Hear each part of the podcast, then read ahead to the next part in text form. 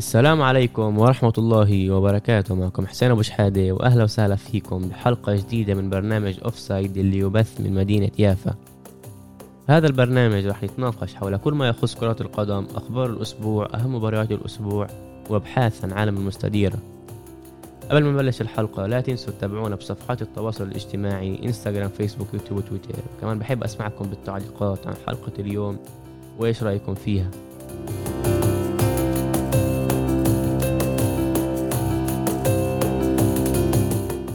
عليكم ورحمة الله وبركاته. أهلا وسهلا فيكم. بحلقة جديدة من برنامج أوف سايد اللي يبث من مدينة يافا. واليوم معنا أستاذ والباحث رامي صايغ اللي راح أسأله كم من سؤال على النادي العريق بايرن ميونخ.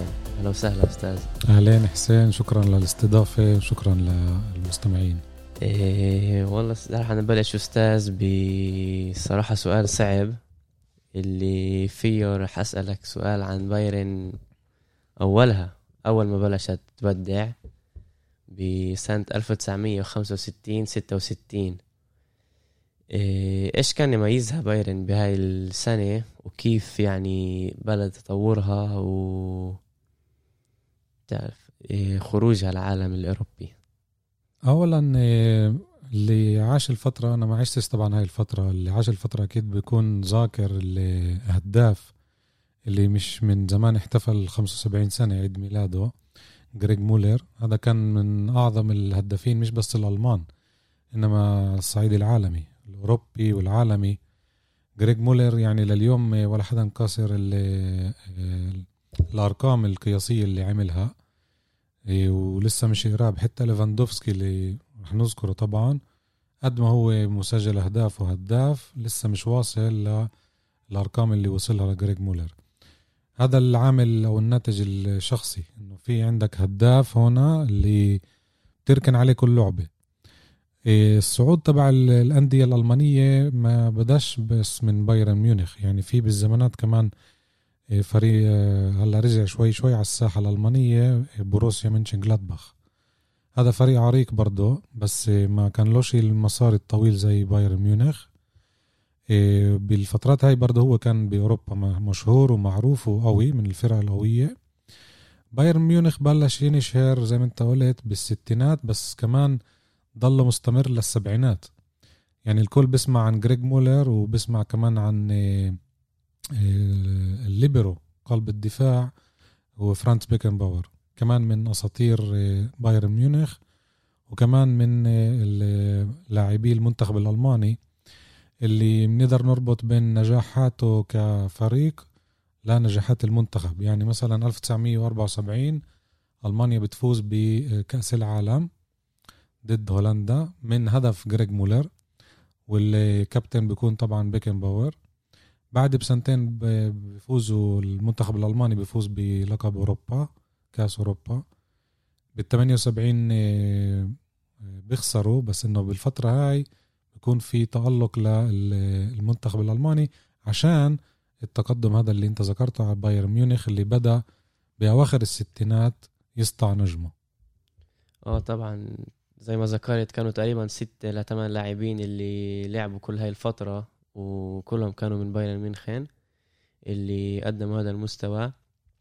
إيه ذكرت انت القيصر بيكن باور كيف إيه، بيكن باور كان يتميز بلعبه؟ وكيف إيه، هذا الأداء أدى لتحقيق البطولات مع بايرن؟ بيكن باور كان قلب الدفاع زي ما قلت. هو اللي ثبت الدفاع الألماني. بس من حواليه كانوا كمان اللعيبة. مش رح نقدر نذكر اللعيبة طبعا لضيق الوقت بس آه، آه، اشتهر بالأسلوب المميز اللي كان يعطيه بيكن باور آه، إن كان بالدفاع إن كان كمان بالهجوم لأنه من وقتها بدأ بدأ الأسلوب الجديد تبع بيقولوها ال total football يعني كرة القدم كانت لحد الستينات بطيئة ما كانش فيها كتير حركة كانت ثابتة. يعني إذا أنت مدافع خلص تمرقش النص أصلا ما بتفكرش عن النص الثاني. الديناميكية كانت تختلف بس إجت الطريقة مش بس الألمانية الطريقة الجديدة تعال نقول فاتت على الساحة الأوروبية وصار في عنا لعب أكتر مفتوح لعب أكتر سريع. وبيكن باور كان واحد من هدول طبعا بالإضافة لجيرد مولر اللي حكينا عنه اللي كان هو عمود الأساس تبع بايرن ميونخ. إيه، بعد هاي الفترة الذهبية اللي امتدت ل 79 تقريبا صار يعني بينفع نقول سنين قحط للبايرن لحديت ما اجى المدرب هيتسفيلد اللي غير الفريق وبرضه رجعه للمجد كيف ما بيقولوا. إيش كان كيف استطاع هيتسفيلد بالسيطرة على الفريق وكيف قدر يرجع بايرن للمجد بتكتيكه؟ أول شيء برجع لشخصيته. اوتمار هيتسفيلد مبين من الوهلة الأولى كمدرب صارم مدرب جدي مدرب آه، بكل معنى الكلمة ألماني. عنده الانضباط الشخصي. طبعا هذا انعكس على اللعيبة اللي كانوا ببايرن ميونخ. ومع كل هذا كمان صارت تركيبة ممتازة من اللاعبين الجدد والقدامى. يعني انضموا لعيبة كمان من خارج بايرن ميونخ. إيه بذكر مثلا بالفترة هذه كانوا مشهورين إيه إيه لوثر ماتيوس اللي لعب كمان ببايرن ميونخ كمان هو نشأ بمنشن جلادباخ بس انشهر ببايرن ميونخ. طبعا انتقل لعدة فرق كمان لعب بإنتر ميلانو بس ماتيوس كان الظهير الوسط لبايرن ميونخ وكمان لمنتخب ألمانيا. والكل بذكر الكأس ب 1990 هو كان الكابتن هو كان القائد لمنتخب ألمانيا. بهاي الفترة كمان كان هو ب آه، آه، بالأندية تبعته من النجوم. آه، في عنا ستيفان إفنبرغ برضه بالمركز بالوسط لاعب ألماني كل معنى الكلمة. انضباط قوة جسدية. كمان كان عنده تقنية يعني مش فنان بس كمان كان يقدر يلعب بالقوة وكمان يقدر يمزج مع الفن نفسه. في عنا بهاي الفترة محمد شول أو مهمة شول اللي ألماني من أصل تركي. كان برضه بالفترة اللي نحكي عنها مع أوتمار هيتسفيلد في عنا المهاجم زيكلر. ما كانش من الكبار يعني من النجوم الساطعين بس زيكلر كمان لعب فترة قصيرة بمنتخب ألمانيا. وببايرن ميونخ وكان له آه، أهداف طبعا. آه، يانكر كمان إذا في منكم ذاكرينه ضلوا لأواخر التسعينات آه، مش هداف كبير بس كمان كان من النوع القديم نقدر نقول اللي بنية جسدية قوية أقل فنية بس إنه كان يخيف كل الدفاع اللي كان قباله وطبعا بالمرمى أوليفر كان الأسطورة الكبيرة اللي اليوم صار عضو بالإدارة. يعني المستمعين بعرفش إذا في منكم بتابعوا الفرقة الأوروبية ماخدة حالها بكل جدية إنه إنه مش بس فريق فوتبول. الكل بيعرف إيه، في لما قعدوا يحكوا على الأندية الإسبانية كيف آه، برشلونة وريال مدريد عندهم هذا الأسلوب إنه هم مش بس نادي إنما هم كمان زي مؤسسة مبنية على إدارة وطاقم ومشروع آه، لأمد بعيد. فبايرن ميونخ كمان عنده هذا الأسلوب بيشبه بالبنية تبعته بيشبه برشلونة وبايرن وريال مدريد.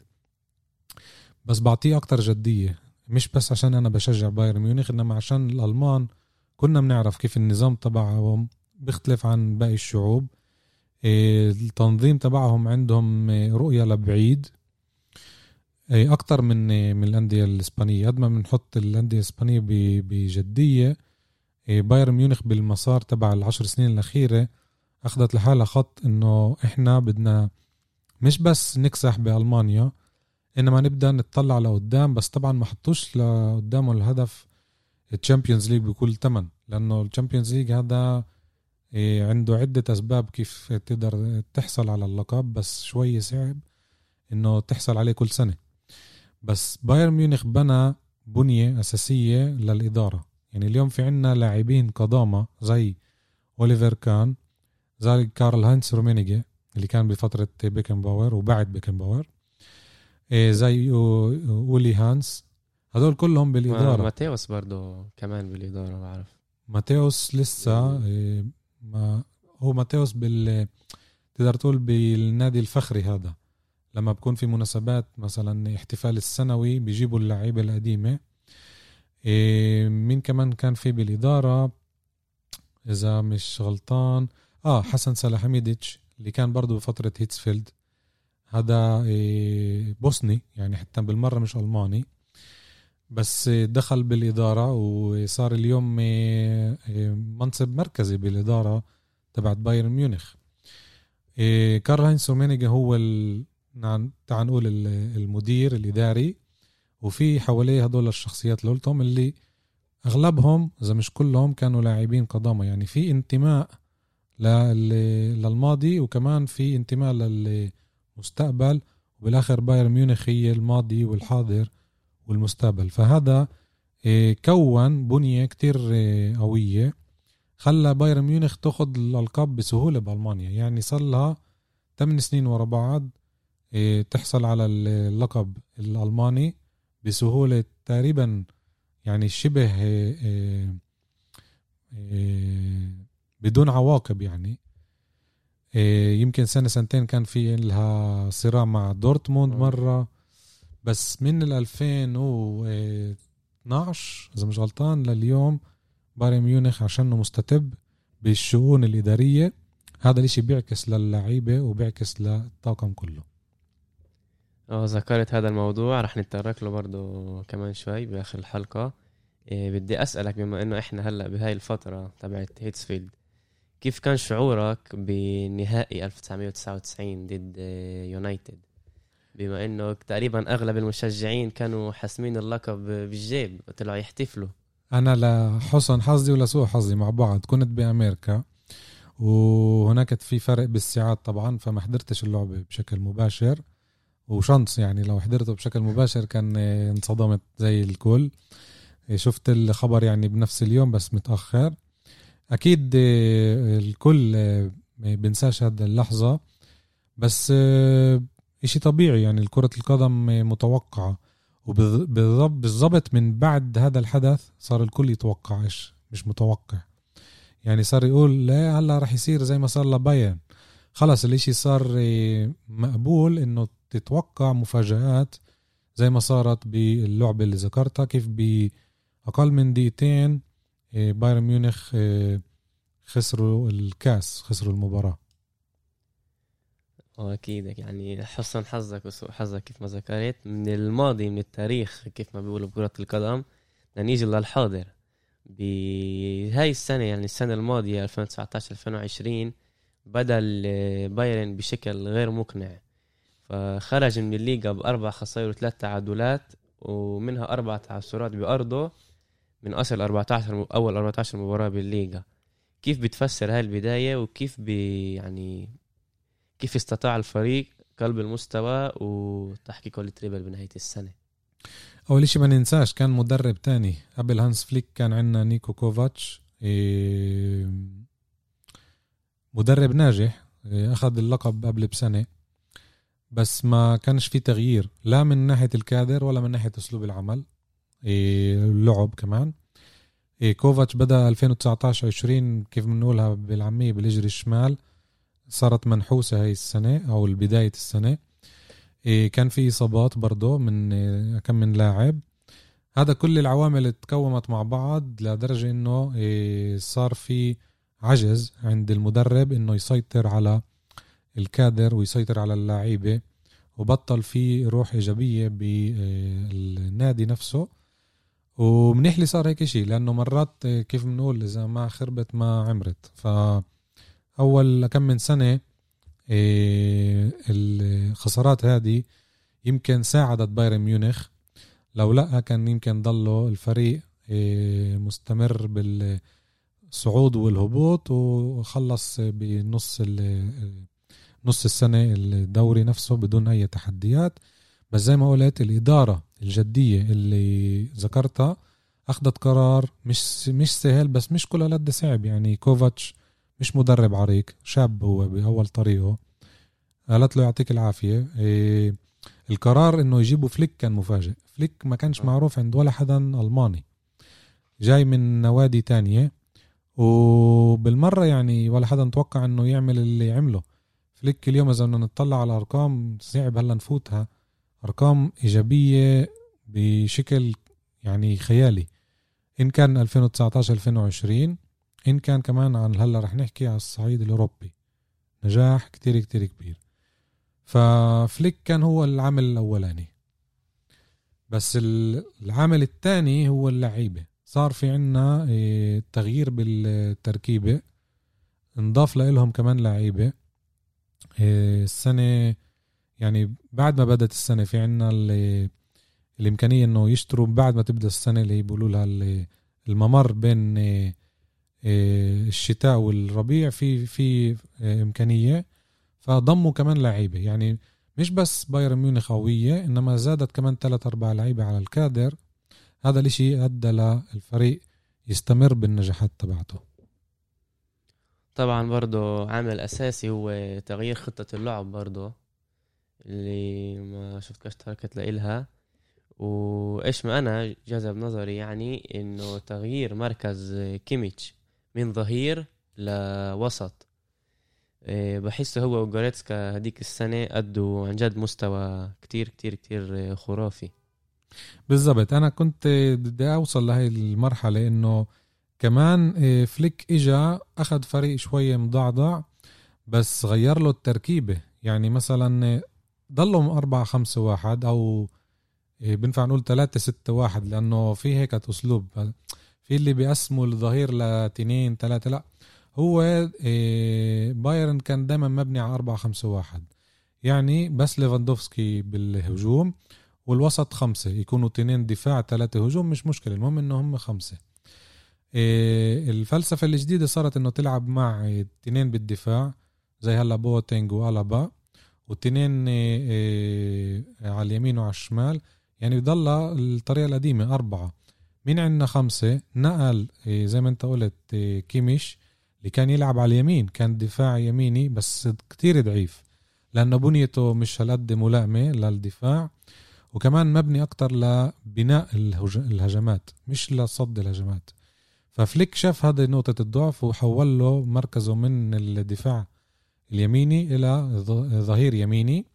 وزي ما انت قلت كمان جوريتسكا كان العامل اللي قوى وسط خط الوسط البافاري وهيك صار في عنا تركي تحويلة داخل التركيبة بدون ما يغير لعيبة إنما غير بس مناصبهم. مثلا عندك آه، آه، ألابا بطل يلعب آه، على اليسار من زمان لأنه كمان كبر وصار أبطأ. فهلا صار يلعب جنب بواتينج أو جنب زوله اللي هو بالدفاع يعني قلب الدفاع. وعندنا على اليسار هلا تحويل جديد. اللي هو الشاب الكندي ديفيس اللي سرعته يعني مرات كنت أحضر كم من لعبة أقول هذا إذا بحطوا جنبه دراجة نارية بقدر يسابقها إنه كتير كتير سريع ولساته بأول طلعته يعني يمكن عمره 20 سنة. فصار في ثبات باليمين عندنا بافارد وعلى اليسار في ديفيس مع إنه بتصير إصابات بس هدول هم الثابتين. وعندنا إيه، خط الوسط اللي هو كتير إيه، ملان نقدر نقول. في عنا دييغو كوستا اللي رجع وبرضه على اليسار. نفس المنصب بيلعب كمان إيه ساني اللي جابوه من السيتي. في عنا جنابري اللي بيلعب جنب ليفاندوفسكي مرات. هدول مع الفكر الهجومي. إيه الدفاعي أكتر توليسو ومارتينيز. مولر نقدرش نعطيه وظيفة. مولر صار الكل صار يلعب هون وهون. بس آه، بيعتمد عليه أكتر فليك بالهجوم مولر بال يعني تحت ليفاندوفسكي. هو اللي بيجهزه وهذا حضر له الكرات. إيه طبعا عن جد إيه، بايرن بيقدم مستوى محترم. إيه بس بدي أسألك إيش كان الاختلاف بين خطة هانس فليك وكارلو أنشيلوتي وجوارديولا اللي فيها فليك قدر بعد غياب طويل تحقيق دوري الأبطال. بفكر الليونة اللي استعملها فليك إيه، أدت له النجاحات. يعني جوارديولا اجى حاول يعمل copy paste من برشلونة ما زبطتش. إيه، قلنا كمان إيه، اللي قبله كوفاتش برضه زبط معه بس بألمانيا. هون صار في ليونة داخل التركيبة يعني عندك إصابات عندك مرات فترات ضعيفة للاعب.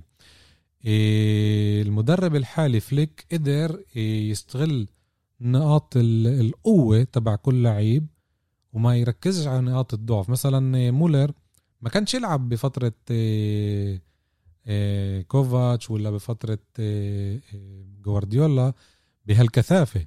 إجا فليك قال له أنت قود. يعني صرنا نشوف مولر يلعب أكتر من 80 دقيقة مرات يخلص اللعبة مع إنه بني آدم لعيب عم بكبر.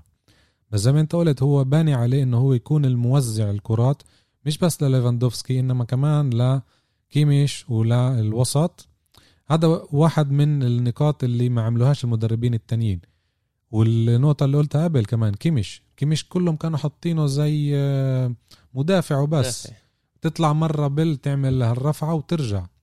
كيميش كيميش أثبت إنه هو أكتر من هيك وبيسجل أهداف كمان مش بس بيمرر إنما كمان بسجل أهداف وعنده ضربات من بعيد مع إنه بنيته بالمرة بتبينش عليها ببين قصير وهذا يعني صعب يواجه اللعيبة القوايا. بس هاي التركيبة اللي عملها كوفا مش كوفاتش فليك أدى لبايرن ميونخ يغير وجهه بس بس cosmetics بس ما ما عملش تعال نقول ما عملش ثورة بداخل التركيبة الأساسية اللي هي برجع بقولها أربعة خمسة واحد ما غيرش شيء. ليفاندوفسكي هو المهاجم الوحيد. في من حواليه كومان في من حواليه هلأ ساني في من حواليه كل هدول اللي بيدفشوا تعال نقول من من من الوسط أو من الطراف الظهير الأيمن أو الأيسر.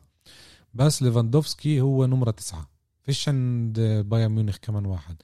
هذا سر النجاح تبع فليك. إيه سؤال أخير نختم فيه الحلقة. إيه كمشجع للبايرن ومتابع للدوري الألماني بدي أسألك في كتير سمعات بتقول إنه فيش كتير مستوى للدوري الألماني وإنه بيكون محسوم للبايرن قبل ما يبدأ. هل بتفكر إنه هذا المعتقدات صحيحة ولا لا؟ بالسنوات الأخيرة بقول لك إنه مزبوط لأنه بايرن ميونخ عم ببني مشروع لقدام. لما تبني مشروع لقدام بتخليش مجال للفرق اللي قبالك يتحدوك. بس من ناحية تانية بيلعب fair play يعني مثلا إذا بتنتبهوا كان بايرن يتعاون مع دورتموند. يعني مرة أخذ هوملز مرة رجعه إيه جوتزه. نفس الشيء. إيه دورتموند دخل لدين. قبل كم من سنة بايرن ساعدت دورتموند. يعني في fair play بس من ناحية تانية إيه، بهمهاش إذا بتدعس على الفريق تاني من ناحية رياضية. فالتخطيط اللي حكيت عنه لقدام هذا سر النجاح تبعها. إيه، بس قبل ثلاث سنين ولورا بقدر أقول لك لا. ليه؟ لأنه كانت دائما التحديات والمسابقة تكون لآخر أربع خمس ألعاب. بس آخر سنتين ثلاثة بايرن ميونخ صارت تدعس كيف بيقولوها على الآخر وتوصل للمرحلة الأخيرة اللي هي واثقة إنه رح تاخد البطولة قبل في مرة أخذت قبل عشر ألعاب يعني. هذا جزء من اللي الأسلوب تبعها إنه هي تلعب fair play بس من ناحية تانية كمان بتخليش مجال من ناحية رياضية للخصم تبعها. وبنفع نقول يعني الخصم الرئيسي تبعها هو دورتموند. إذا بناخد سنوات لورا دورتموند مش عارفين إمتى آخر مرة ربحوا ضد بايرن ميونخ. يعني هذا كمان إشي بشجع اللي, اللي بيقول إنه هيو تفضل بايرن ميونخ إيه، مش عم بعطي مجال ولا حدا. يعني هو بقدر يربح كل سنة مع إنه هذيك السنة أثبتت إنه لأ هيو دخل على أزمة وهيو وصل. تقريبا كل سنة بيصير إنه برضه ملان فرق من الدوري الألماني بيورجوا مستوى عالي بعدها بنص السنة بينخوا كيف ما بيقولوا وبايرن بيصعد لحاله. بالضبط. بس بدي أقول لك آخر ملاحظة. الدوري الألماني كدوري ألماني إذا بتاخده كإحصائيات بكتير أحسن من بديش أقول أحسن من الإنجليزي لأنه الإنجليزي عنده أكتر فرق. بس إذا بتاخد المعطيات اللي هي مشجعين فيش ملاعب فاضية. آه، معروف. أهداف بتلاقيش صفر صفر. ألعاب صفر صفر هاي بالنادر بتلاقيها. حتى اليوم يعني مع الكورونا فيش مشجعين. الحماس بنزل لا اللعيبة بكملوا يلعبوا وهذا جزء من الأشياء اللي بتميز الدوري اللي هو البوندس ليج. اللي أنا بفكر ما بنزلش عن مستويات تانية بس طبعا المشجعين التانيين بي- بيعارضوا هذا الإشي وبصيروا يقولوا أكيد الدوري الأولاني هو الإسباني والإنجليزي. بعدين يمكن نفكر على الألماني. وهيك بتكون تمت حلقتنا لليوم. طبعا مدحنا البايرن. بتأمل ما يصيرش اسمه صار بميلان وإيفرتون آخر حلقة. آخر حلقة مدحناهم ميلان. خسر أول خسارة لإله بعد كتير وقت وإيفرتون مع ثلاث لعب بالدوري خسائر كلها. تيجي بتيجي لازم تيجي الخسارات بس طبعا خسارة لأجل الصعود. يعني توقع عشان ترجع توقف من جديد. نتأمل مع بايرن يصيرش هيك إيه، بنحب نسمع تعليقاتكم. أنا كنت حسين أبو شحادة ونشوفكم بالحلقة الجاي